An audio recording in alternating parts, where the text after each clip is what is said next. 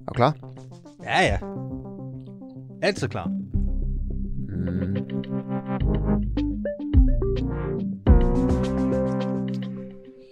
Carsten Graf, har det lykkedes dig at få øh, corona til et gangbang i Brasilien? Nej, det har det ikke. Jeg, øh, så heldig var jeg ikke, kan man sige. Øhm, men jeg prøvede det. Ja. Nu er jeg ikke så meget til gangbang, så øh, det kan være, at jeg ikke var engageret nok. Hvordan?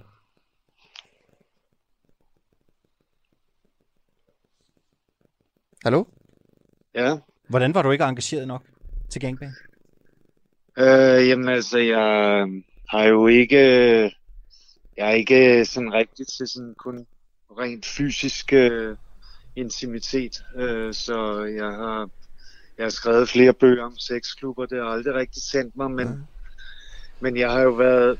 Jeg har, jeg har bare haft det her ønske siden øh, den her øh, situation, krise, startede, at øh, jeg synes, det var naturligt at blive smittet, ligesom jeg havde det med influenza og forkølelse, og havde svært ved at identificere mig med, med den her ekstreme angst, der har været. Øh, også selvom, altså, jeg, jeg har jo kunne læse statistik, og jeg kunne se, at øh, i Danmark, øh, da man var mere ærlig og åben om, hvem det var, der døde af det her, der, der var det jo altså kun 10 procent af dem, der døde, som, som ikke var dødssyge i forvejen. Øhm, og det er jo nogenlunde det samme, man har set med, faktisk endnu værre med, med influenza. Der, øh, da jeg så statistikkerne fra 18, der kunne jeg da se, at der var mange unge, der også var døde af influenza. Så jeg synes, det var naturligt at blive smittet. Øhm, og har svært ved at at forstå øh, hele den her altså kæmpe panik, der har været. Øh, og jeg tror, at den her panik gør, at flere og flere dør af det her. Fordi folk gemmer sig, isolerer sig og spritter hænder konstant og øh, mister kontakten til en naturlig udvikling eller træning af immunforsvaret. Så jeg gjorde egentlig det omvendte. Carsten, øh, skal bare lige præsentere dig ordentligt også her. Carsten Graf, øh, ja. tabu-filosof, forfatter, står der her på mit, øh, på mit ark. Og så siger jeg også lige godmorgen til, til jer, der lytter med. Det her det er en uafhængig morgen. Carsten, du har rejst rundt, som jeg forstår det, i, i store dele af verden, for at prøve at få corona i et stykke tid. Og blandt andet, øh, så var du så til sådan et gangbang-arrangement for at forsøge at blive smittet. Ja, altså, man, øh, det var selvfølgelig en af dagsordnerne. Nu var jeg, jeg tog til Sverige, da det toppede der, øh, da, øh, da det kom til Danmark, der, der var jeg bare naturlig afslappet, ligesom jeg havde været før, og så tog jeg til Sverige, fordi jeg havde, jeg havde svært ved at være i Danmark med den panik og øh, mundbinds øh, fetisisme, der kørte her. Øh, og så øh, tog jeg, til, der blev jeg ikke smittet, så tog jeg til England øh, og øh, kørte rundt i undergrunden, øh, men, og fordi der troede jeg, at alle blev smittet, men der var ikke nogen at blive smittet af. Alle var jo bange. Der var jo ikke nogen... Mange gange var jeg alene i undergrundsbanen. Så tog jeg til Spanien, da der var lock, stor lockdown der. Øh, men øh, blev heller ikke smittet, gik på rigtig mange dates og og mødt, altså jeg, jeg er jo ikke sådan, jeg invaderer folk, der ikke vil smittes, men jeg mødte jo mange andre, der også var helt afslappet med det, og jeg blev ikke smittet efter øh, ni måneder, var jeg stadig øh, ikke smittet, så, så øh, men også for at komme væk fra den her sure og depressive lockdown, der var i Danmark, så tog jeg til Brasilien, og der øh, var jeg på masser af dates og øh, mødte en masse søde mennesker. Og, altså hele det her billede, den pressen malede af, at Brasilien, hvor alle dør, det, øh, det kunne jeg ikke øh, finde. Jeg spurgte jo alle, jeg mødte, om de kendte nogen, der var døde. Det gjorde de ikke. Øh, der var en, der kendte en. Øh, og det var en, en meget syg gammel onkel. Og det man jo hele tiden skal holde fat i, det er jo, at selvom de her dødstal ser dramatiske ud, så er der jo rigtig mange mennesker, der dør hver dag på den her planet. Altså, så øh, Brasilien er der jo mange tusind, der dør hver dag øh, af naturlige årsager. Det har der været i, i rigtig mange år. Så, øh, så øh, den her måde, man, man klassificerer covid-patienter på, det, ja. det er lidt det er lidt svært at se, hvordan det bliver Graf, gjort. Graf, du har jo, ja. du har jo ekstremt øh, meget på, på hjertet, og nu startede vi jo med at spørge dig ind til, om, om det så var ved det her øh, gangbang i Brasilien, du fik, du fik corona. Altså, øh, ja. hvad, hvad, er det, hvad, er det, hvad er det vildeste, du har gjort i jagten på at få corona? Jamen altså, det var faktisk, øh, da jeg var i Brasilien, det var faktisk, at jeg, jeg til sidst, det vildeste og sjoveste, synes jeg, det var, at jeg til sidst opgav, fordi jeg tænkte, om så er jeg nok bare immun. Og der er jo rigtig mange, der ikke får symptomer på det her. Og alligevel går rundt og er skide bange for det. Øhm, så jeg, jeg fandt et rigtig lækkert hotel, øhm, femstjernet luksushotel, hvor jeg så, fordi det er jo, det er jo billigt nu øh, alle steder, øh, og der var en rigtig dejlig restaurant, så der flyttede jeg ind, der havde jeg så det problem, at der var sådan noget ekstra covid-sikring. Og det vil sige, at alle skulle gå rundt med mundbind alle steder og have handsker på, og når de skulle spise, eller tage mad i buffeten. Og sådan, der var alle former for sikring. Øhm, og der blev jeg så sjovt nok smittet. øh, så øh, da jeg så en morgen vågnede op på det her hotel, så havde jeg det ikke så godt og gik ned og øh, ud af en af døren, fordi der havde man også noget covid-sikring med, med temperaturmåling. Men øh, de kunne ikke måle, at, at jeg var syg, hvilket jo var sjovt nok. De står alle steder med de der, ja. de der måleapparater der. Og det kunne de ikke måle. Carsten Graf, for jeg vil bare sige tusind tak, fordi du vil være med. Så ganske kort her, her til morgen. Øh, et, et sidste spørgsmål herfra. Og, og jeg bliver simpelthen nødt til at spørge, ikke? Og, og det kan godt være, at det er helt åndssvagt og skørt, men, men nu har jeg dig, og jeg ved, hvis jeg stiller det her spørgsmål, så kommer der ikke nogen chef og slår mig i hovedet bagefter. Hvordan fungerer det til et gangbang? Jamen altså, i Brasilien, det var meget sjovt, fordi jeg har været i sexklubber over hele verden, fordi jeg har skrevet om sexklubber. Men i Brasilien, der gik man så ind med mundbind. Uh, jeg tror en 50-60 mennesker i sådan en bar og så sad vi der, og, og, øh, og alt var øh, sikret. Og så kl. 12 så åbnede gangbang-området, og så smed alle mundbindene og fandt kondomer frem i stedet for. Og så var, var der ellers gang i den inde i den anden afdeling, så, øh, hvor alle knaldede med alle mere eller mindre. Jeg var, jeg må sige, jeg... Bliver man så budt op, eller, eller går man selv over og byder sig til? Ja, altså jeg blev budt meget op. Øh, kvinderne i Brasilien er glade for europæiske eller skandinaviske mænd, ikke? Men, øh, men jeg, kunne, jeg kan ikke sådan noget. Altså jeg, jeg har faktisk jeg har altid haft brug for, at der var en hjerteforbindelse, så... Men ja, det var sjovt, og vi grinede meget, og vi var simpelthen også bare nysgerrige. Vi blev nødt til at spørge... Nej, det var bare at øh, tage den selv, uh, Alexander. Det var dig, der var nysgerrig. jeg ved hvad, det står ja. gerne på mål for. Ja. Jeg vil gerne tage med næste gang, og det er jo helt ufarligt. Man får ikke corona af det, øjensynligt. Ved du hvad, jeg har lidt opdaget, at det er de steder, hvor folk er bange for det, det smitter mest. Jeg ved ikke, om det der har en videnskabelig forklaring. den tager vi bagom, den med gangbanget, som man siger. Uh, Carsten Graf, tusind tak skal du have, fordi du havde lyst til at være med, og uh, rigtig god morgen til dig. Ja, god morgen. Hej. Ja. Og godmorgen, øh, velkommen til en uafhængig morgen. På en eller anden måde går vi jo først i gang nu. Ja. Altså, jeg ved ikke helt, hvad pointen var med det første indslag, men det var bare, vi havde bare lyst til at snakke med manden. Jeg tror også, det handler lidt om blikfang. Altså det er ligesom, hvis man besøger en hjemmeside på BT eller Ekstrabladet, så, så er der en eller anden overskrift, der er så fængende, at man bare ikke kan lade være med at, at klikke på den. Ikke? Og, ja. og starte udsendelsen med at spørge, fik du corona til et gangbang? Det, hvor ellers vil man kunne det, hvis man ikke kunne det her? Ja. Det er så få steder. Ikke? Vi bliver bare nødt til at gøre det. Vi er her med øh, dagens nyheder, og så også med aktuelle interview i løbet af den næste time her på en uafhængig morgen. Vi har nu sendt i tre dage. Altså det er tredje dag, vi sender, og vi er jo... Øh, altså, vi er, vi er jo bare øh, frivillige, de fleste af os. Øh, mm. Nogen får en meget, meget lille løn, og, øh, og så prøver vi at lave radio, og vi ser, om det her det kan flyve. Øh, og så er vi afhængige af, at folk skriver sig op som medlemmer. Ikke? Og jeg vil også bare sige, hvis, øh, hvis man har nogle spørgsmål til os, så er det måske også i dag her på tredje dagen, at man kan spørge os om alt. Der er fri leg. Ja, det synes jeg. Indbakken er åben. Og sms'en er åben 1245. Man skal så skrive DUA, D-U-A-H, mellemrum, sit spørgsmål eller sin kommentar til os.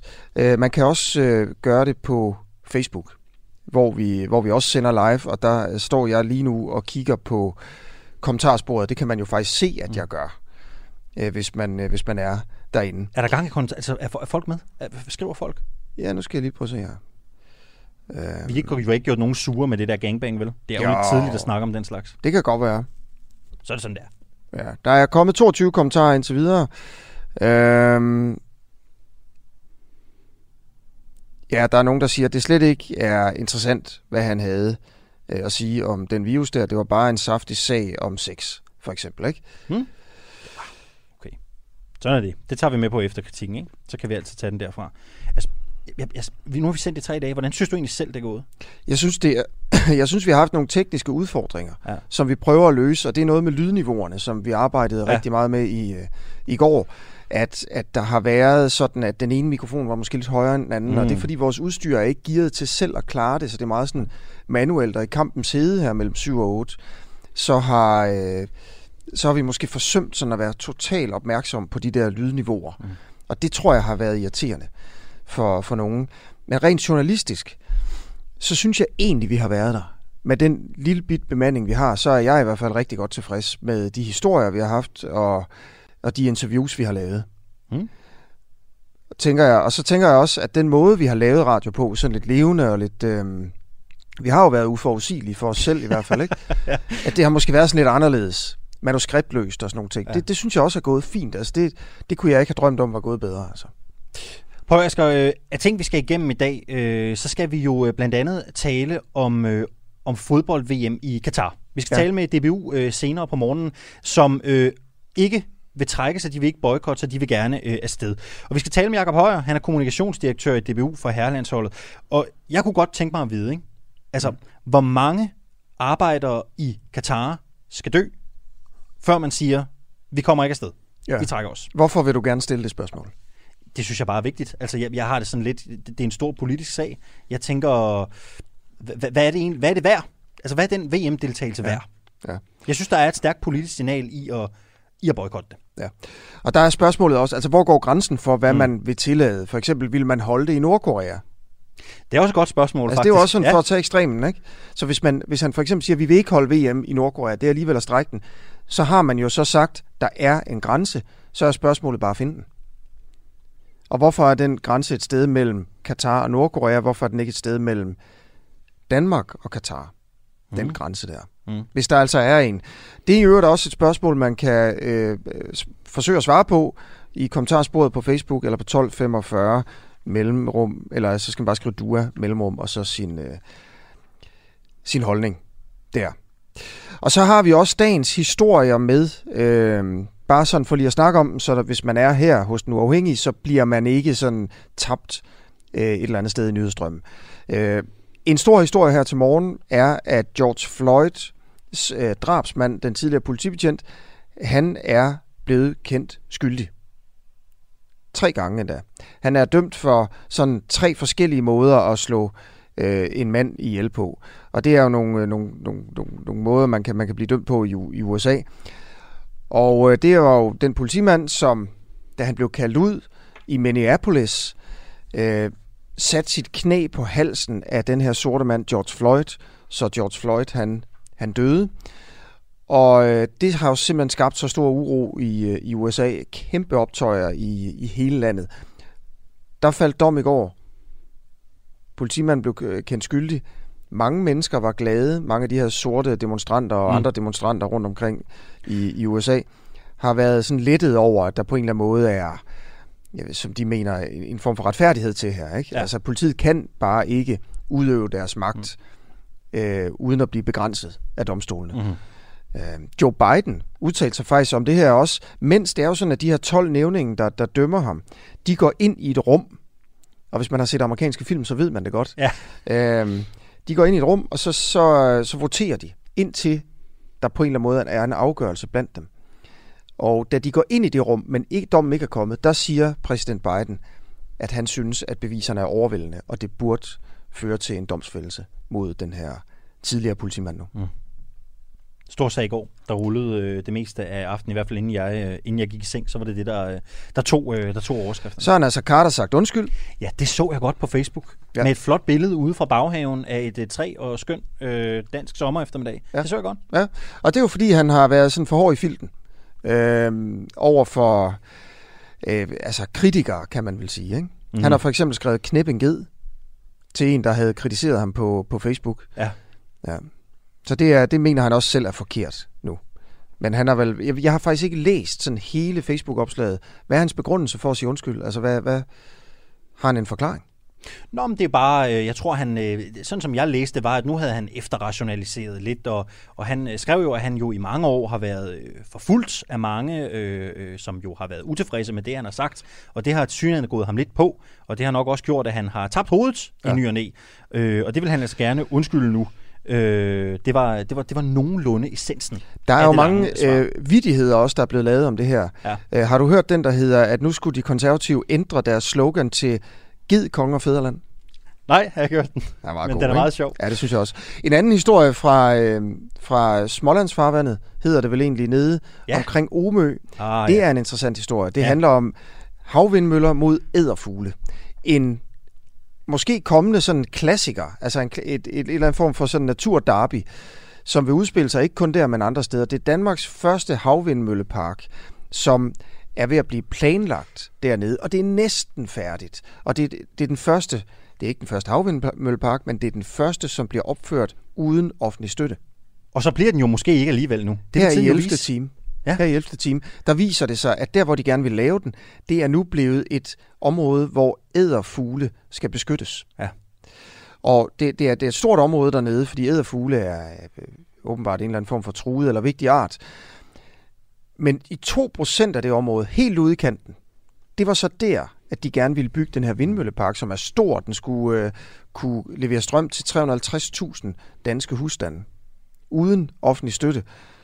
Og i det, lille område, ude i kanten, 2% af området, der skulle den ligge. Det ser ud til, at det ikke kommer til at lade sig gøre. Og så tænker jeg bare, Asger, hvorfor kan man så ikke flytte den vindmøllepark lidt? Nej, fordi så ender, du ude, så ender du ude i sejlranden. Og hvis du så skal flytte okay. den, jamen det er rigtigt, og hvis du skal flytte den endnu længere, så skal man til at lave det hele om igen, og den private investor, European Energy, mm. som er et dansk selskab, ja, ja, ja. De, øh, de har brugt 20 millioner kroner på at forberede, at de skulle ligge lige der. Og hvis de skal rykke det, så skal de bruge 20 millioner kroner til. Og så, altså det ved de ikke. Det kan ikke betale sig. Det er for usikkert. Det her er jo i virkeligheden og, fantastisk, ikke? Altså naturinteresser kan ende med at spænde ben for den grønne omstilling, ikke? Og det er jo normalt, de to interesser plejer at mødes, ikke? Det plejer at være den samme type mennesker, der kæmper for begge dele. Ja, ja. Men altså her må man bare sige, at, at, at nogen må give sig. Ikke? enten ned af fuglene eller, eller havvindmøllerne, og jeg ved ikke. Øh, jo, jeg ved egentlig godt, hvad jeg mener. Ja, hvad Men mener altså, du? Jamen, jeg synes, at de, man skal da bare, de der æderfugle, så 2% af deres område tager man da bare. Sådan det. Og, hvis der, og, det, så dør der måske nogle æderfugle, ikke? Ja. Ja, så gør det. Øh, og Lea Wermelin, som er miljøminister, øh, siger om det her, der ligger et kæmpestort fagligt arbejde bag udpegelsen af fuglebeskyttelsesområderne. De er nøje udpeget, og hvor fuglene rent faktisk der hvor fuglene rent faktisk er. Derfor kan vi ikke bare trække stregen på en anden måde. Der har været overvejet, om det var muligt at trække stregen på en anden måde i forhold til et projekt som det her, men det er det ikke. Hvad i alverden er det for en begrundelse? Forstår du? Nej. Hvad er? Det er bare stregen er der, og så ja. har vi tænkt, om vi kunne flytte den, og det kan vi ikke. Det, det er jo ikke rigtig nogen begrundelse. Nej, nej, det er jo en embedsmand, der har skrevet det et eller andet sted. Ja. Det lyder, det er sikkert Nå. korrekt, ikke, men det giver ikke super meget mening. Kommer vi til at begå fejl? Ja, det gør vi. Kommer jeg til at begå fejl som statsminister? Ja, det gør jeg. Jeg kan nævne flere potentielle fejl i hvert fald, eller noget, som jeg vil betragte som fejl. Men altså, man kan altid dis- diskutere, om det er decideret fejl, om forsigtighed er fejl. Ikke? Jeg tænker, at øh, jeg tog hatten af for hende, da hun sagde, at man selvfølgelig laver fejl under alt det her, fordi vi har aldrig stået i det før. Nej, så jeg kan ikke umiddelbart lige pege på noget, jeg synes, der har været forkert i det, hun har gjort. Ja, det er menneskelige fejl, så det tror jeg, det er mit svar. Ja. Måske ikke at inddrage de andre partier nok, tænker jeg. Ja.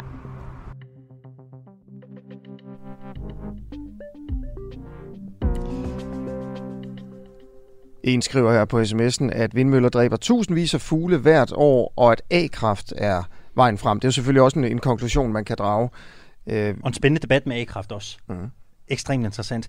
Jeg spillede jo lige et lille klip her, Asger, fordi vi var en tur på gaden i går for at spørge øh, danskerne, hvad har Mette Frederiksen gjort galt under øh, coronakrisen? Det er det tema, vi kører i øh, den her uge. Øh, I går talte vi med Morten Messerschmidt, vi talte med øh, Lars Tvede, øh, som jo er er, millionær, er han milliardær? Er han Nej, ikke nu. Han er millionær. Han, går efter at blive, han var milliardær engang, Ja. ja. inden IT-boblen sprang. Ja. Og nu har han så lige siden forsøgt at blive det igen. Men han er mange millionær. Det er han. Og han var med, og han er jo også gift med øh, Mette... Øh, nej, hun hedder ikke Mette. Hun Mette hedder Pernille Vermund. Vermund. Ja. Mette Vermund. Ja, men det er svært. De to, jeg bytter rundt på de to Ja. hele tiden, Mette og Pernille. Nu har vi Søren Villemos fra øh, Weekendavisen med. Godmorgen, Søren. Morgen. Hvad er det værste, Mette Frederiksen har gjort under coronakrisen? Jamen altså, til at starte med, så er der jo ikke nogen, der har gjort det, altså i hvert fald ikke i Vesten, der har gjort det sådan helt godt. Altså alle har jo lavet fejl. Øh, men jeg vil sige, det værste, hun har gjort, det er aldrig rigtigt at have sammensat, altså de der tre, den der treenighed, som der jo er i den strategi, vi i teorien følger, som er test og kontaktopsporing og isolation. Altså vi er virkelig, virkelig dygtige i Danmark til at teste. Vi- Jeg tror, vi tester mere end noget andet land i verden. Og vi segmenterer alle vores tests og sådan noget. Det er virkelig, den del af det, er der er enormt godt styr på. Men vi har ikke øh, det der med at kontaktopspore, og så sætte folk i karantæne, der har vi af en eller anden grund, der, af en eller anden grund har vi ikke været i stand til at kunne gøre det ordentligt i Danmark. Og der, der har der hele tiden, øh, vil jeg sige, manglet noget politisk lederskab her. Øhm, for eksempel har man været meget nervøs for, om danskerne vil acceptere at gå i karantæne, altså blive tvunget i karantæne. Øh, og det, og det, det tror jeg altså har været en fejl, fordi det har man for eksempel gjort i Norge. Der har været, været, været rigtig dygtig til at kontaktopspore og øhm, sætte folk i karantæne. Og der får de altså bøder, hvis de bryder deres karantæne.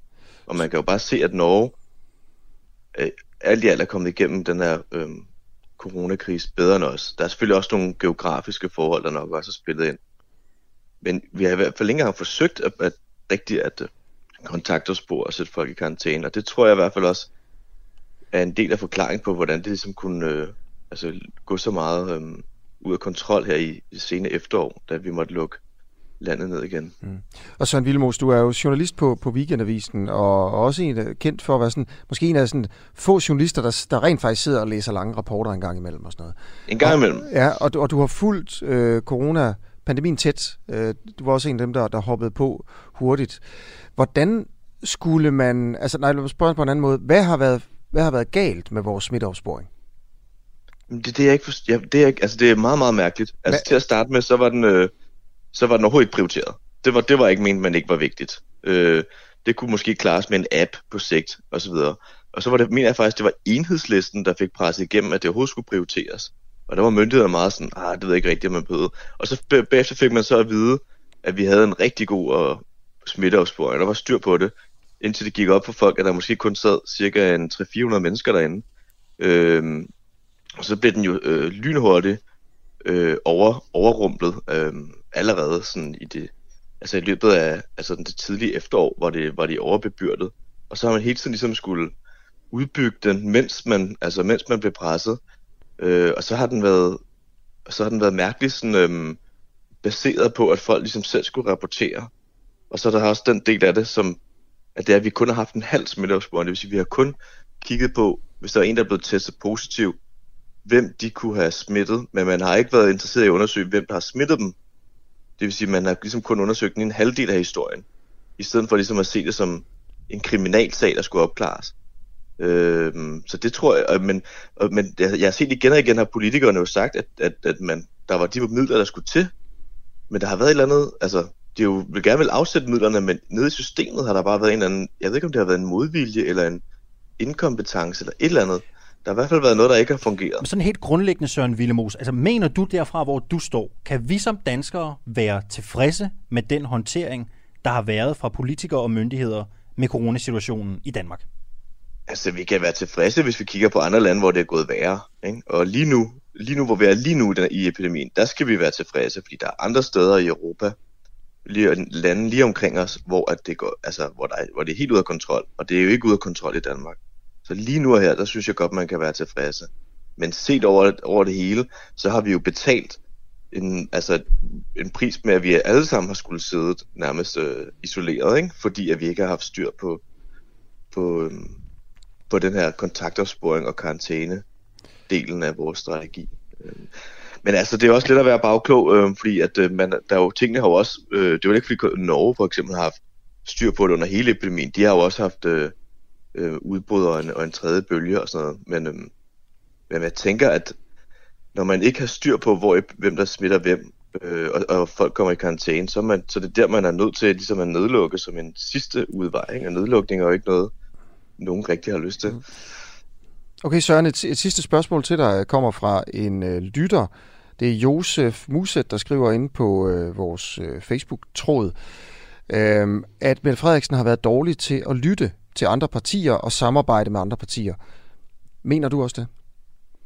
Det tror jeg i hvert fald, man mener i, i Venstre og så videre, at det er rigtigt, at der har været en vis, øh, en vis øh, måske har der været en vis arrogance, men der vil jeg så bare sige, der jo, jeg synes, man har hørt meget om, at øh, hun har været dårlig til at samarbejde, men jeg har ikke rigtig hørt, hvad det var, Venstre ville have, at de skulle samarbejde om. Altså, hvad er det? Hvad var det, de ville have gjort anderledes, hvis de samarbejdede? Det her mangler jeg lidt et svar på. Der synes jeg, det har været sådan lidt... Det har bare været klagen over, at vi ikke blev inddraget fra oppositionspartierne, men der har ikke været et bud på, jamen, ville tingene have været anderledes, hvis de var blevet inddraget? Hvad ville så have været forskellen? Der, der synes jeg lidt, der mangler et svar på det. Her til sidst, øh, helt inden vi, vi slutter, øh, nu er det jo også øh, blevet øh, besluttet, at, øh, at, øh, at nu stopper vi med AstraZeneca-vaccinen. Er det en korrekt øh, beslutning, øh, som du ser det? altså, jeg synes, altså, det, da det blev meldt ud, der var, var jeg meget, øhm, øh, mente jeg, det var meget forkert, øh, og jeg er også skeptisk over for forslaget, men på den anden side gider jeg heller ikke at være ham, der sidder og argumenterer for, at 25 danskere skal dø for, for alle vores andres. Øh, jeg, jeg har det sådan, at jeg synes, det er mærkeligt, at noget, der i grundlæggende er så meget også, også en politisk beslutning, at, øh, at øh, i det spørgsmål, der bliver det ladt helt op til Søren Brostrøm og, og Sundhedsstyrelsen. Jeg synes i hvert fald godt, man kunne overveje, om det ikke er muligt med en anden frivillig løsning. Jeg, tryk, noget jeg trykker dig lige lidt på maven her til sidst, ikke? fordi du siger, du gider ikke være ham, der siger, at, øh, at det er fint nok, at x antal danskere dør. Altså, mener du i virkeligheden det modsatte, men du vil ikke sige det, fordi du synes, det bliver en det bliver, har en tendens til at blive en diskussion om, at det er okay, at nogen dør eller ej. Nej, jeg vil sige, at jeg er splittet, for jeg kan godt følge argumentet, at, øh, at, at smitten lige nu er her ikke er så slem, at, det er, at, det, at vi er i en situation, hvor det er nødvendigt at vaccinere alle med en vaccine, hvor vi ved, at der vil være en vis andel, der dør. Øhm, altså hvis Søren Brostrøm har ret, når han siger, at det kun udsætter vores vaccinationsprogram med to uger, så synes jeg ikke, det er prisen værd. Men hvis han tager fejl, og det virkelig udsætter vores øhm, vaccinationsprogram med flere måneder, så vil jeg mene, at, øh, at det nok er for en pris. Så nu er det for Søren Villemos, der er journalist og kommentator på øh, Weekendavisen. Øh, tak, fordi du øh, havde lyst til at være med her. Selv tak. Er det i orden, at øh, arbejdsgiver overvåger deres øh, ansatte for at sikre, at de passer deres arbejde? For eksempel på video? Nej, det synes jeg ikke, det er.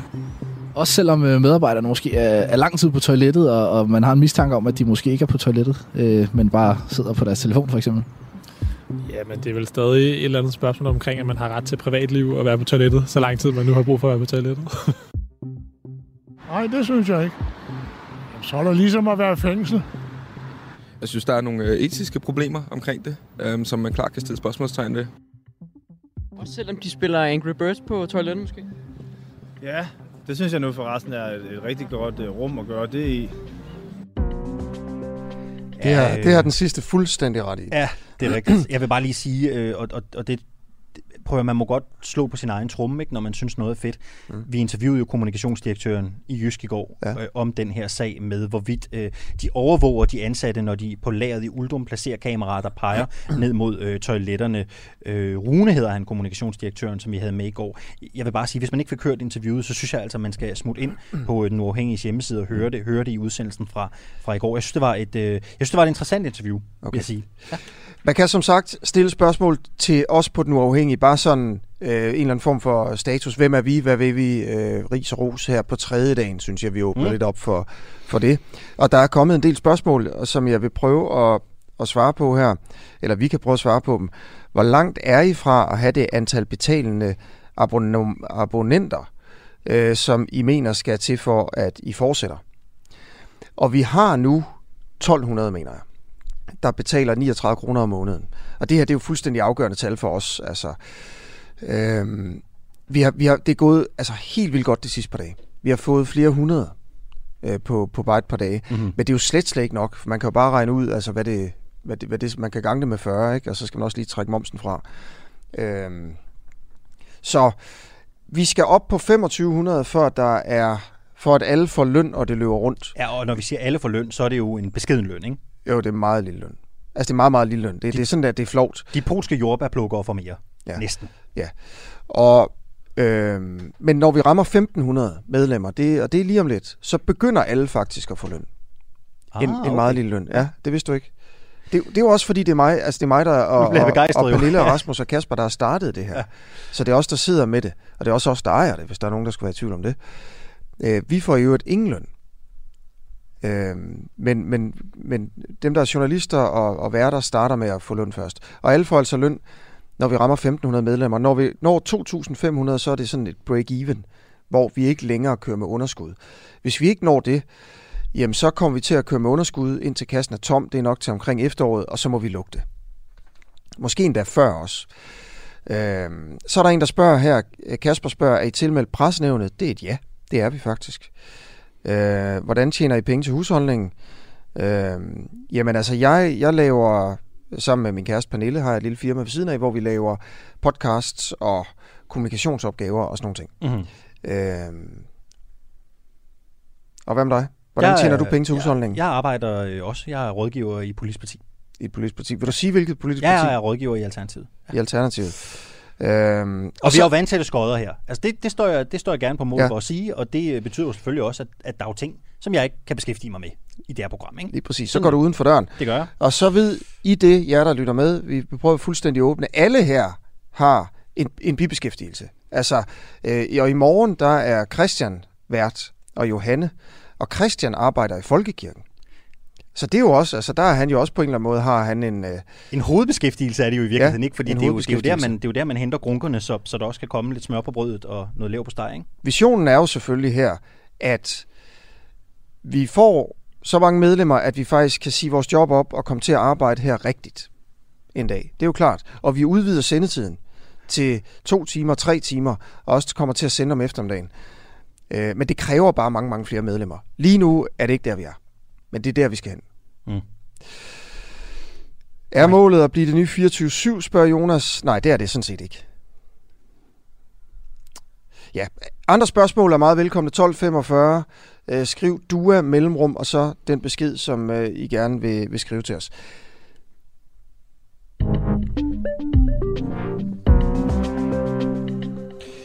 Altså, nu skal vi tale om et, øh, om et opholdsforbud, som er blevet øh, højst øh, omdiskuteret et opholdsforbud øh, øh her i øh, København, som er blevet forlænget 14 gange. 14 gange. Det er øh, på Christiania, hvor politiet har øh, indført det her øh, opholdsforbud øh, så mange gange.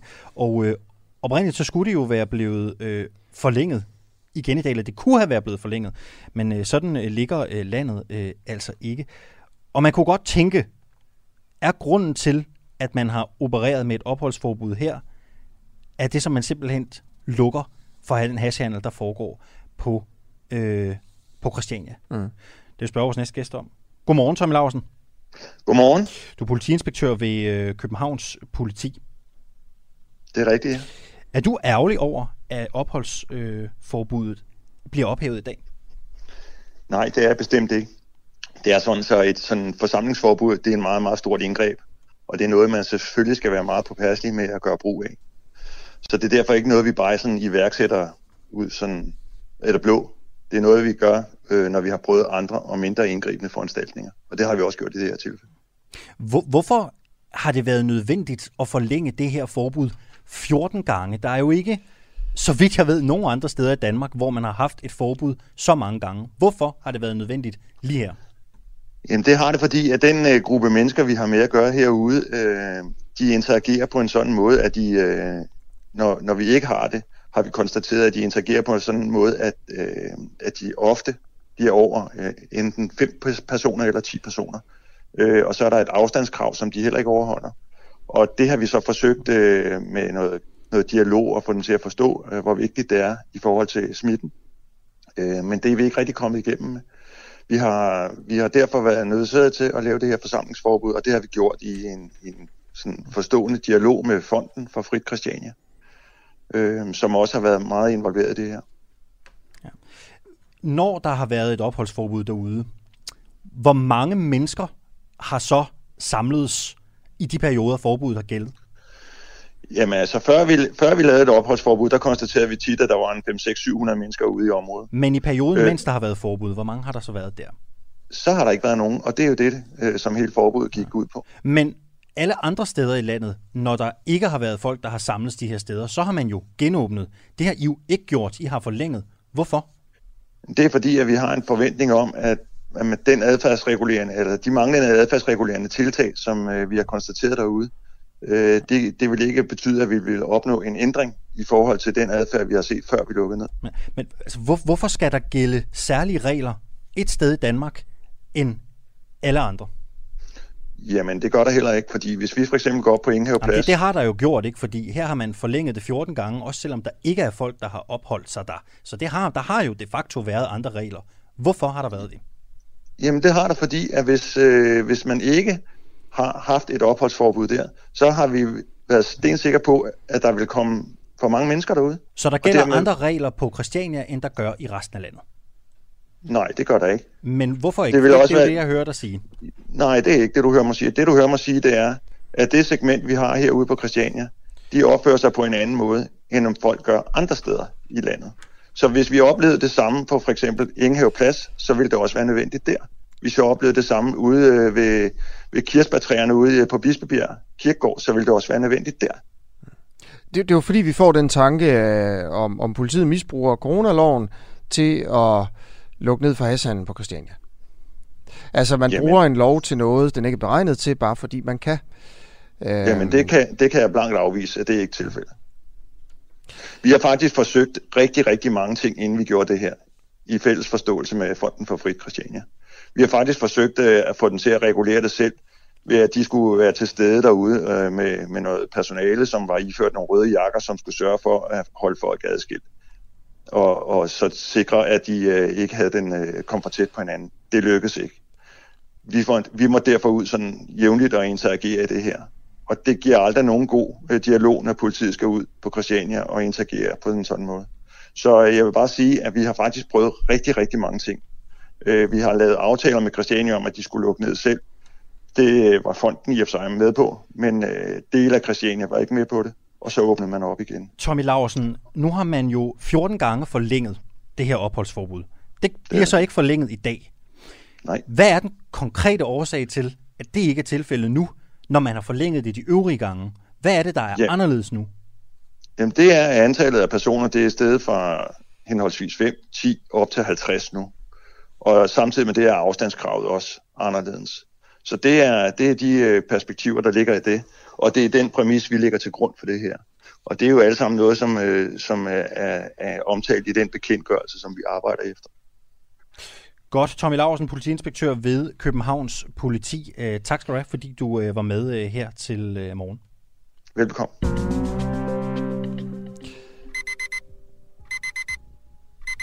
I dag skal øh, alle folketingsmedlemmer hver især agere anklagemyndighed og vurdere, om jeg i sagen om barnebrud har gjort mig skyldig i en forbrydelse, der er så alvorlig, så jeg skal stilles for en rigsret.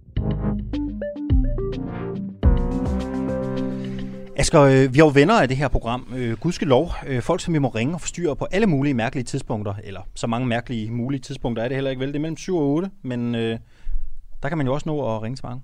Ja, og vi kan simpelthen bare vælge her. Folk ved ikke, at vi ringer op, og det er det, der er sjovt. Blandt andet ringer vi nu til Geomets, for eksempel. Journalisten Geomets. Måske kan han ikke engang huske, at han har sagt ja til at være ven af os. Det er et par uger siden. Det er Geomets. Ja, godmorgen, Georg. Det er Asger Alexander. Du er i radioen i en uh, uafhængig morgen lige nu. Godmorgen. Godmorgen. Hvad er det for en radio? Øh, en uafhængig morgen. Okay. Hvem, hvem sender det? Det gør, øh, det gør vi. Det hedder Den Uafhængige. Altså, det er bare sådan noget internetradio. Man kan høre okay. os på en app og, og på Jeg Facebook. Kan du godt okay. huske, at du har sagt ja til, at vi bare må ringe til dig, mens vi sender mellem 7 og 8? Ja, nu du siger det. Det kan jeg godt. Ja, okay. Undskyld. Du, du har ikke hørt noget af det, vi har sendt, uh, vel, Geo, her de første tre dage? Du har ikke, du har ikke lige lyttet med, vel? Nej, det, må ikke, det har jeg altså. I har så travlt. Det, ja, det, det er fair nok. Det har jeg ikke. Det er fair nok. Hvad forstyrrer vi dig midt i, Georg? Jeg forstyrrer mig i, at jeg sidder og læser noget avis fra i går, fordi at de der dagens avis er ikke kommet endnu. Vi har jo dig med, så kan vi altid øh, ringe til dig for at høre, hvad du går op i. Øh, og hvad, hvad du synes, der er vigtigt sådan en morgen her. Eller vi kan jo spørge dig om hvad som helst, hvad vi vil jo. Man kan jo også øh, skrive Jamen, ind på sms'en. hvad går du op i? Jamen, det er jo klart, at det, der skete i Amerika i går med dommen, det er jo ret afgørende. Og så er jeg også spændt på at se, om, Ekstrabladet følger Morten Messerschmidt-sagen op. Men det kan jeg ikke sige noget om, fordi jeg har ikke fået fat i Ekstrabladet endnu, og jeg har ikke set det på nettet. Prøv, vi talte jo faktisk med Morten Messersmith i går, øh, Geo. Øh, det var også Okay. et spændende interview. Øh, smut endelig ind og hør det ved lejlighed, hvis du får lyst. Ikke? Ja, Øh, Morten ja. Messersmith, han mente jo, at det var øh, helt utænkeligt, at han ville blive dømt for noget som helst, selvom bagmandspolitiet har rejst et tiltale. Øh, hvad tror Ja, du egentlig, det jeg. ender med? Jamen, jeg vil sige, at, at, at tiltalte mener, at det ender med, at de bliver frikendt. Det vil ikke være den største nyhed. Det har man ligesom hørt før. Øh, Det må bero på øhm, det materiale, der er lagt frem mod ham. Og dokumentfalsk, det er jo en ganske alvorlig sag. Men han er da fuldstændig ret i, at man skal ikke dømme folk, før de er dømt. Øh, At, at, men erklæringen, altså at erklære sig selv uskyldig, det, det er vel ikke det allertungeste bevis for, at man ikke har gjort det. Okay, Georg, ved du hvad, vi smutter igen. Tak fordi, at øh, du vil være med. Ja, du er velkommen. Ja, ja okay, hej, hej. hej. Jeg tror faktisk, øh, det er jo ikke pænt at sige det, jeg tror måske faktisk lidt, han havde glemt, at han Men det han havde da interview. 100% altså, glemt det. det. Det, det lød lidt sådan, ikke? Det er da lige meget, men det havde han. det er så fint. Øh, ja. Men altså, vi... Øh, han har lagt på. Han har lagt på, men, ja. Altså, vi har andre venner af, af programmet. Hvis man har lyst til, at vi ringer til, til en af vores venner, så, øh, så skal man bare sige til. Altså, man kan skrive det inde på, på øh, kommentarsporet inde på Facebook, øh, og hvis man har nogle spørgsmål til dem, så kan vi jo bare ligesom bare fyre den, øh, fyre den løs. Og det er Hans Engel for eksempel, kan vi ringe til. Det er sådan efter klokken halv otte, Mm. der vil han gerne ringes op. Og det er den jo nu for eksempel. Øh, vi vil også gerne ringe til øh, Michael Jalving. Og vi kan ringe til Kenne Christensen Bært. Og lige nu kan jeg ikke huske de andre, men der er nogle andre også. Mm. Altså vi har, vi, af en eller anden grund har vi fået en slagside med sådan lidt, lidt ældre mænd. Øh, det, det gør vi selvfølgelig op med, så vi også får altså, også flere venstreorienterede Ja. og, og kvinder og alt sådan noget. Ja. Jeg ved egentlig ikke rigtig, hvorfor den sådan. Prøv Asger, øh, der er en historie, som, som vi bliver nødt til at vende på et tidspunkt. Ikke? Det er fordi, vi har fået et svar fra, øh, vi har fået et svar fra Udlændingestyrelsen. Øh, lige nu der står 500 syriske flygtninge jo til at blive sendt øh, tilbage til øh, Damaskus. På baggrund af et par, øh, på baggrund af et par rapporter, mm. Som blev udarbejdet i 2019 og 2020 af Udlændingsstyrelsen. Nu viser det sig bare, at, øh, at 8 ud af 12 af de navngivende kilder, som har været med til at udarbejde den her rapport, mener, at grundlaget for at sende folk tilbage faktisk ikke er på plads. Det er, øh, det er sådan ligesom, øh, det er meldingen nu. Det er BT, der har været med til at afdække øh, den her sag. Øh, og de har afgivet nogle citater, som, som de jo står ved, men da de læste de endelige rapporter, var de sådan ja. lidt, ah, det er sgu ikke rigtigt det, vi, vi har sagt. Ja. Vi har jo ligesom forsøgt at få politikerne i tale. Vi har ringet til Tesfaye, øh, det vil han ikke øh, sige noget om hos os. Vi har forsøgt at få Stoklund fra Socialdemokratiet i tale, han vil heller ikke. Og de har begge sendt bolden videre tilbage til Udlændingsstyrelsen. Og de har sendt os et skriftligt svar. Det er langt, men jeg synes, vi skal læse det på et tidspunkt. Er det rigtigt? Ja, det synes jeg. Jamen så, altså endelig. Jeg har ikke, jeg har ikke fået læst det endnu. Jamen ved du må jeg ikke, må jeg ikke, prøve, må jeg ikke prøve at læse det op for dig så? Jo. Og hvis det bliver for kedeligt, så siger du bare stop. det er jo Kære den uafhængige, Udlændingsstyrelsen tilvejebringer løbende baggrundsoplysninger, der anvendes til behandling af ansøgninger om ophold i Danmark, herunder asylsager. Indhentningen af oplysninger sker via forskellige kanaler, skriftlige kilder, fact-finding-missioner, høringer via danske repræsentationer, Skype-møder osv. Samtale med mundtlige kilder via online-møder eller på fact-finding-missioner udgør således en vigtig del af arbejdet. Rapporterne giver ikke og forgiver ikke at give et komplet billede af alle forhold i Syrien. Her henvises til øvrige publikationer, der kan findes på www.nydanmark.dk, EASO eller øvrige internationalt tilgængelige rapporter, som også lægges til grund for sagsbehandlingen. Det er afgørende for troværdigheden af arbejdet, at der er fuld transparens i forhold til oplysningerne, som er brugt i rapporten, dels hvor oplysningerne stammer fra, dels referater fra samtaler med kilderne, netop med henblik på at sikre, at oplysningerne kan efterprøves eller læses i en større kontekst. Derfor har vi som fast praksis at vedlægge referat af samtaler med kilderne som bilag til alle udgivelser, således at den fulde kontekst kan medtages. Kilderne godkender altid referaterne på skrift, før vi går brug af dem af rapporterne. Når vi mødes med en kilde fysisk eller på Skype, oplyser vi kilden om formålet med undersøgelsen, ligesom kilden også bliver informeret om, hvordan kildens oplysninger bliver brugt i undersøgelsen. Derudover får kilden at vide, at han eller hun får lejlighed til at redigere og godkende noter fra mødet med vedkommende, samt at det er kilden, der bestemmer hvordan. Vi skal videre. En af morgens store historier handler om, at den amerikanske stat har sagsøgt Danske Bank og Thomas Born. Og vi har nu Peter Nyholm, chefredaktør på Inside Business, med på en telefon. Du er lige blevet ringet op her til morgen. Øh, godmorgen. Hvad er det for et, øh, et søgsmål, det drejer sig om? Jamen, altså, det er jo et gammelt øh, kendt søgsmål. Vi har haft de her hvidvasksager, der ligger i mange år. Det har lang tid været en trussel, at, at de amerikanske myndigheder ville gå ind og, øh, og, og lave en, en, kan man sige, en, en yderligere undersøgelse af forholdene i Danske Bank. Og det er selvfølgelig klart, at Danske Bank kan jo ikke være specielt tilfreds eller glade for det her, fordi det er jo øh, en kæmpe stor imagemæssig øh, katastrofe at, at være øh, i, i, i kamp med decideret den amerikanske stat. Så det er jo ikke noget, som på nogen måde en ønskelig situation øh, for Danske Bank lige nu. Nyholm, på, på en skala fra 1 til 10, ikke, hvor 10 er så usandsynligt som to onsdage i en uge, hvor markant er det så, at det her sker? Øh, jeg ved ikke helt, jeg forstår sammenligningen. Øh, altså, om det er, mark- det er markant. Ja, det er da meget markant. Det, det er vel, en, en, det er vel et, et, et, et stort milepæl i Danske Banks historie. Øh, det er der ikke tvivl om. Øh, og det kommer lige på et tidspunkt, hvor jeg ordentligt kan sige, at, at banken er i en, øh, i en øh, ledelseskrise. Så, øh, så, så derfor er det jo, kan man sige, ekstra dramatisk, at det kommer lige nu. Og hvad risikerer banken? Men det er, det er jo som det altid har været. Men man har jo de her store sag, søgsmål, der ikke er kører, og, og, og det der formentlig sker, det sker de fleste søgsmål, det er, at der kommer en masse juridisk fikseri frem og tilbage, og nogle utroligt dyre advokater, der skal hyres til det her. Og så ender det typisk med, at der kommer et eller andet øh, for lige på et tidspunkt på plads, hvor, hvor, hvor, hvor Danske Bank øh, betaler en eller anden bod, som, som offentlighed ikke får at vide, hvor stor er.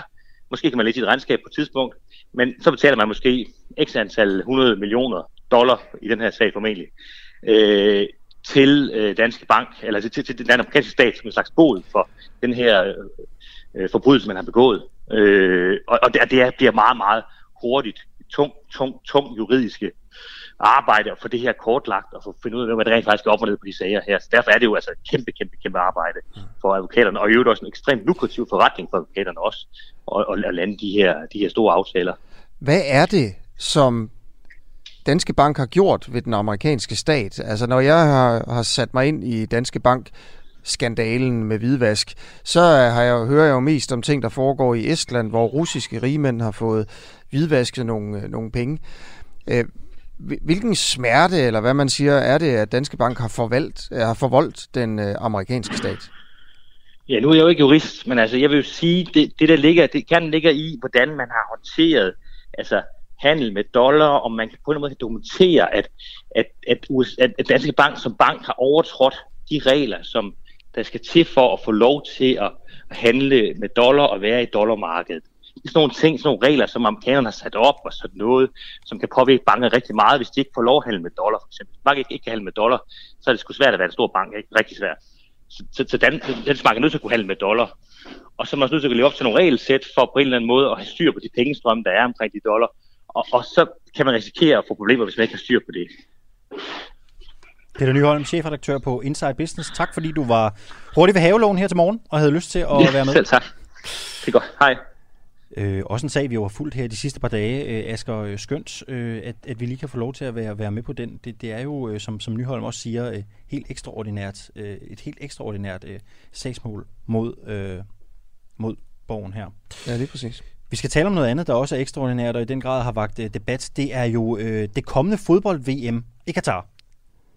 Ja, som er øh, kritiseret, og mange mener, at Danmark og andre lande bør boykotte VM i Katar, simpelthen fordi, at øh, den, øh, altså regeringen i Katar offrer for mange menneskeliv for at arrangere VM. Helt konkret, gæstearbejdere, der er med til at bygge for eksempel stadions, omkommer i tusindvis for at gøre det og lever under fuldstændig umenneskelige forhold i sådan nogle øh, arbejdslejre i Katar. Det er meget folk fra øh, Bangladesh for eksempel. Så der er simpelthen gået for mange liv tabt til, at man kan gøre det sådan øh, med, med oprejst pande og tage derned og, og, og, og spille fodbold. Helt konkret er 6.500 migrantarbejdere fra Indien, Pakistan, Nepal, Bangladesh og Sri Lanka døde, siden Katar for 10 år siden vandt rettighederne til at afholde øh, VM. Øh, Jakob Højer, du er kommunikationschef for herrelandsholdet fodbold i øh, DBU. Øh, vil DBU stadig sende landsholdet til Katar, hvis der inden slutrunden når at dø 10.000 migrantarbejdere? Øh, lad mig starte med at sige, at jeg håber på ingen måde, at der dør 10.000 migrantarbejdere flere. Jeg synes, det har været forfærdeligt at se de arbejdsforhold, der har været i Katar øh, de seneste mange år. Øh, DBU har ikke været med til at tage den beslutning. Den er truffet af en meget lille gruppe mænd i, i FIFAs top i, i 2010. Øh, DBU har ikke stemmeret øh, og har været kritisk over for den beslutning lige siden. Men vil I Øh, stadig tage afsted, gjort- vil I stadig tage afsted hvis der når at dø 10.000 Hvis jeg- arbejdere inden slutrunden? Jamen, det er et hypotetisk spørgsmål. Det vi vil gøre nu, det er, at vi øh, har fået endnu flere lande og fodboldforbund og fangrupper og, og andre med på at øge presset på at skabe bedre forhold for migrantarbejderne. Det er det, vi får at vide, at det er der, hvor vi kan gøre den største forskel. Det er det, menneskerettighedsorganisationer siger. Det er faktisk også det, migrantarbejderne siger. Jeg havde, øh, var selv med på en, en, et besøg dernede i januar 2019, hvor vi mødtes med migrantarbejdere, der, der fortalte om de her forfærdelige forhold. Jeg skal bare lige høre, det, de du vil, du vil ikke svare på mit spørgsmål, vel? Altså, du, du vil ikke svare på spørgsmålet, om I stadig vil afsted, hvis, hvis der når at dø 10.000 inden slutrunden. Det, du vil ikke svare på det. Men det er jo et hypotetisk, det er et hypotetisk spørgsmål. Jamen, altså, vil du svare på det, eller vil du ikke svare på det? Jeg vil godt svare på det. Øh, Det kan jeg ikke, det kan jeg ikke forholde mig til. Det må vi forholde os til, hvis, hvis vi står i så forfærdelig en situation. Jeg, jeg synes, det er forfærdeligt, hvad der foregår i Katar. Øh, og det er derfor, vi arbejder for at skabe bedre forhold i Katar. Det skaber ikke bedre forhold, hvis man bare bliver væk. Så tror jeg i virkeligheden, at, øh, at så vil der ikke være det pres, som, som, øh, som Katar oplever lige nu, hvor fans i Danmark og fans i Holland og Belgien begynder at være meget kritiske over for, hvad der foregår dernede. Så jeg, jeg har egentlig stemt for, at vi skaber nogle forandringer, i stedet for bare at ligge væk. Ja. Har, du du siger du også det der med, at det, det er FIFA, der har truffet beslutningen. Bare sådan et helt konkret spørgsmål til dig her. Altså har DBU kompetencen til at sige, det kan godt være, at FIFA synes, at det er okay, men, men vi vælger altså ikke at tage afsted. Kan I tage den beslutning? Ja, det kan det godt. Det kan I godt. Så er spørgsmålet så, er der en grænse for jer i forhold til, hvor mange der skal dø, eller der må dø, for at I vælger at tage den beslutning? Har I sådan, opererer I med en eller anden form for øh, grænse? Jeg synes, det er vigtigt, som jeg prøvede at sige før. Ja, men, men det jeg tror jeg også, vi har hørt før. Det er, også- det er også Men- fint, men- hvis I ikke har en men- grænse, så siger du bare, nej, det har vi ikke. Altså, Nej, fordi det, det, er jo, det handler jo om, tror du på, at der er færre, der dør, fordi man boykotter? Jeg tror på, at hvis man ikke havde valgt at holde det VM, og det vil jeg også gerne spørge dig om så. Havde man ikke valgt at afholde VM i Katar, havde man ikke givet den til Katar, så var der ikke 6.500 gæstearbejdere, der var døde ved at bygge de stadions og de andre faciliteter. Det tænker jeg, så vil jeg godt spørge, Øhm. så lad mig da spørge dig om det. Havde man ikke afholdt VM i Katar, Jeg var der så alligevel døde det- 6.500 øh, gæstearbejdere? Og øh, det tror, jeg, det tror jeg faktisk, vi er enige om, og jeg vil meget gerne have, at det VM blev afholdt et andet sted. Jeg synes, det er forkert, det skal afholdes i Katar. Nu snakker vi om menneskerettigheder i forbindelse med byggerierne. Så-. Lige om lidt, så vil der formentlig komme fokus på menneskerettigheder for de mange medarbejdere, der arbejder på hoteller og restaurationer. Ved at og de er bakke op- ikke særlig, Ved at, øh, bakke op om et, ved at bakke op om et VM i Katar, hvor forholdene er sådan her, blåstempler DBU så ikke øh, de, her, øh, de her dødsfald af migrantarbejdere? vi bakker ikke op om afholdelsen af VM i Katar. Vi kommer til at protestere og kritisere fra nu af, øh, som vi har gjort det de sidste 4-5 år, og vi kommer til at gøre det, til vi går på banen. Nu skal landsholdet lige kvalificere sig, ved at skynde mig indskyde. Ja. Men, men hvis vi ikke øh, forhåbentlig kvalificerer, så kommer vi til at kritisere de her forhold øh, hele vejen ind til, til slutrunden og under slutrunden. Håber du i virkeligheden, at landsholdet ikke kvalificerer sig, så I slet ikke behøver at tage stilling til det her? Nej, jeg, jeg arbejder i DBU og, og, og arbejder for dansk fodbold. Jeg håber, at vi kvalificerer os til alle slutrunder og vinder medaljer. Det er det, der gør en kæmpe forskel øh, for dansk fodbold. Men jeg håber, at vi sammen med endnu flere forbund, fans, øh, sponsorer, medier, hvem der nu end har lyst til at være med, kan øh, rette så massiv kritik, at det er med til at skabe forandringer. Vi havde et møde med Amnesty forleden dag, der fortalte, at VM i Katar, og fordi der er så kæmpe opmærksomhed også fra, fra jer i medierne, faktisk har sørget for, at på lovgivningssiden er man længere med at lave reformer i Katar end i mange andre lande i den øh, del af verden. Øh, det er ikke ens betydende med, at det er godt, øh, at, at, det, at det er, som det skal være. Men det er jo positivt, at det sætter skub i nogle reformer. Det er positivt, at det skaber øh, skub i nogle, øh, i nogle forandringer dernede. Det, der hvad, så er, hvad er det for nogle, hvad er det for nogle gode det, reformer i Katar, du, du sidder og roser lige nu? Hvad, hvad, hvad er det for Jamen, det, er ikke mig, reformer? det er ikke mig, der roser dem. Jeg, jeg er ikke menneskerettighedsekspert. Det, det er noget, Amnesty fortæller. Jeg tror, det var på en konkurrerende radiokanal, hvor de fortalte, at der faktisk er, er flere reformer i Katar, end der er i andre lande. Men du ved ikke, om de er gode eller ej, vel? Du, du kender dem ikke. Selv. Reformerne, jo, det er det Amnesty, Amnesty siger, at reformerne er gode. Det er afskaffelsen af de her slaveagtige forhold, det er indførelsen af mindsteløn, det er indførelsen af, af nogle andre rettigheder til, til, til migrantarbejderne. Men en ting er jo, og det ved du sikkert ikke bedre end jeg, en ting er jo at gennemføre en lovgivning, noget andet er efterlevelsen af aktiviteten. Så det er jo vigtigt, at man nu holder Katar i ørerne fra menneskerettighedsorganisationerne, måske også fra EU eller fra andre store instanser, og der kan vi være med til som fodboldforbund at skabe opmærksomhed og rette et kæmpe projektørlys mod Katar, så, så der kommer nogle forandringer. Og det er det, som vi gerne vil bidrage til. Øhm, internt i DBU, ikke? du siger, at DBU kan godt bestemme, øh, om man skal, skal, om det danske landshold skal boykotte VM i, i Katar. Øh, altså, er der nogen i DBU's bestyrelse? Jeg går ud, altså lad mig spørge først sådan her. Har det, været, har det været vendt i bestyrelsen? Det BU's bestyrelse har, det, har, har vedtaget det, vi kalder, det er lidt snørklet, vi kalder det et positionspapir, ja. som nærmest sådan er en politik. Hvordan er det, vi forholder os til har, det? Har der været nogen i bestyr, er der nogen i bestyrelsen, der mener, at vi skal boykotte? Bestyrelsen har besluttet et positionspapir, ja, hvor man siger, at man er der uenighed i bestyrelsen? den her kritiske dialog. Er der uenighed i bestyrelsen? Det, det vil jeg ikke sidde her og besvare. Det er jo interne forhold. Nej, det tror jeg ikke, der er. Interne forhold? Det er en enstemmig bestyrelse, der vedtager det. er en enstemmig, okay. Så, så, okay. Tak. Prøv, øh, vi har fået et øh, spørgsmål her. Øhm, kunne I forestille jer at spille kampene i Katar, hvis vi kommer afsted med sørgebind for de døde migrantarbejdere? Vi kan forestille os på forskellige vis at markere vores protester mod menneskerettighedsforholdene. Øh, og kunne det her være et bud at være sørgebind for de døde migrantarbejdere? Det har vi ikke taget stilling til nu. Igen, vi skal lige kvalificere os. Jeg synes ikke, det er et særligt kreativt bud, men vi modtager okay. gerne bud på, hvordan vi kan markere fra nu af, også øh, før slutrunden. Så der er alle muligheder i spil. Er det, øh, kan I for eksempel udelukke på forhånd, at man vil spille VM i Nordkorea? Jamen, det, det vi øh, arbejder for, og det er jo, at via FIFA, som jo er de her plus 200 fodboldforbund fra hele verden, der vil vi gerne have, at det ikke er en lille gruppe mænd, der i et lukket rum beslutter, hvem der skal være VM-vært. Der er faktisk taget en beslutning nu om, at den beslutning, den skal til afstemning blandt de 209 Vil I stille op til et VM i Nordkorea? Det har jeg meget svært ved at forestille mig. Tusind tak, fordi Men det du ville... Det, du spurgte om. Du spurgte, du spurgte om i første omgang, om vi vil bidrage til beslutningen, og det vil vi stemme imod med alt, hvad ja. vi kunne. Så jeg synes ikke, det er godt, at der er VM sådan nogle steder. Tak fordi, at uh, du vil uh, være med. Ja, selv tak. Tak skal I have. God dag. I lige måde. Og det er altså Jakob Højer, vi hørte her, kommunikationschef for Herrelandsholdet i, i fodbold, hvor vi forsøger her at, at, at, at, at se, om vi kan... Øh, finde ud af, om der er en grænse ja. for, for DBU, som jo altså kan vælge at, at boykotte VM i, øh, i Katar. Det kan jo være, øh, nu fik vi jo øh, det her meget fine bud, om, om de danske landsholdsspillere skulle spille med sørgebånd for migrantarbejderne. Det synes Jakob Højer jo var et, et lidt et, et ukreativt bud, ikke, tror jeg, var, var det sådan, det kom til udtryk.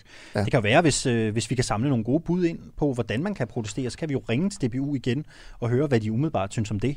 Det kunne jo det kunne være et bud i hvert fald, ja. hvis nogen sidder derude. Så DUAH 1245, så vil vi jo meget gerne bringe dem videre til, til DBU. Karsten skriver, ændrede det noget, da der blev afholdt OL i Nazi-Tyskland? Øh, det er naivt at tro, øh, at det ændrer noget andet end et, øh, at det bliver lidt populistisk udad til, skriver Karsten. Altså en anden skriver, at FIFA har for meget magt. Ja, Okay, jamen jeg tror, vi er ved at være færdige for i dag, ja, og også, at øh, jinglen skal på ja, lige om og lidt. Øh, først vil jeg da bare lige sige, at øh, vi to, vi kan sove længe i morgen, men derfor skal man stadig stå op og tænde for den uafhængige. I morgen er det øh, Johan Nedergaard og Christian Danholm, der sidder i studiet og siger godmorgen til jer. Lige præcis, vi bytter værter sådan en gang imellem. Så det er altså et helt nyt værtspar, og nok også sådan lidt anden slags udsendelse, ja. man, man får der. Det er jo et værtsproget program, så det afhænger af, af de værter, der er her, hvilket program man får. Vi lyttes. Hej. Klokken 8.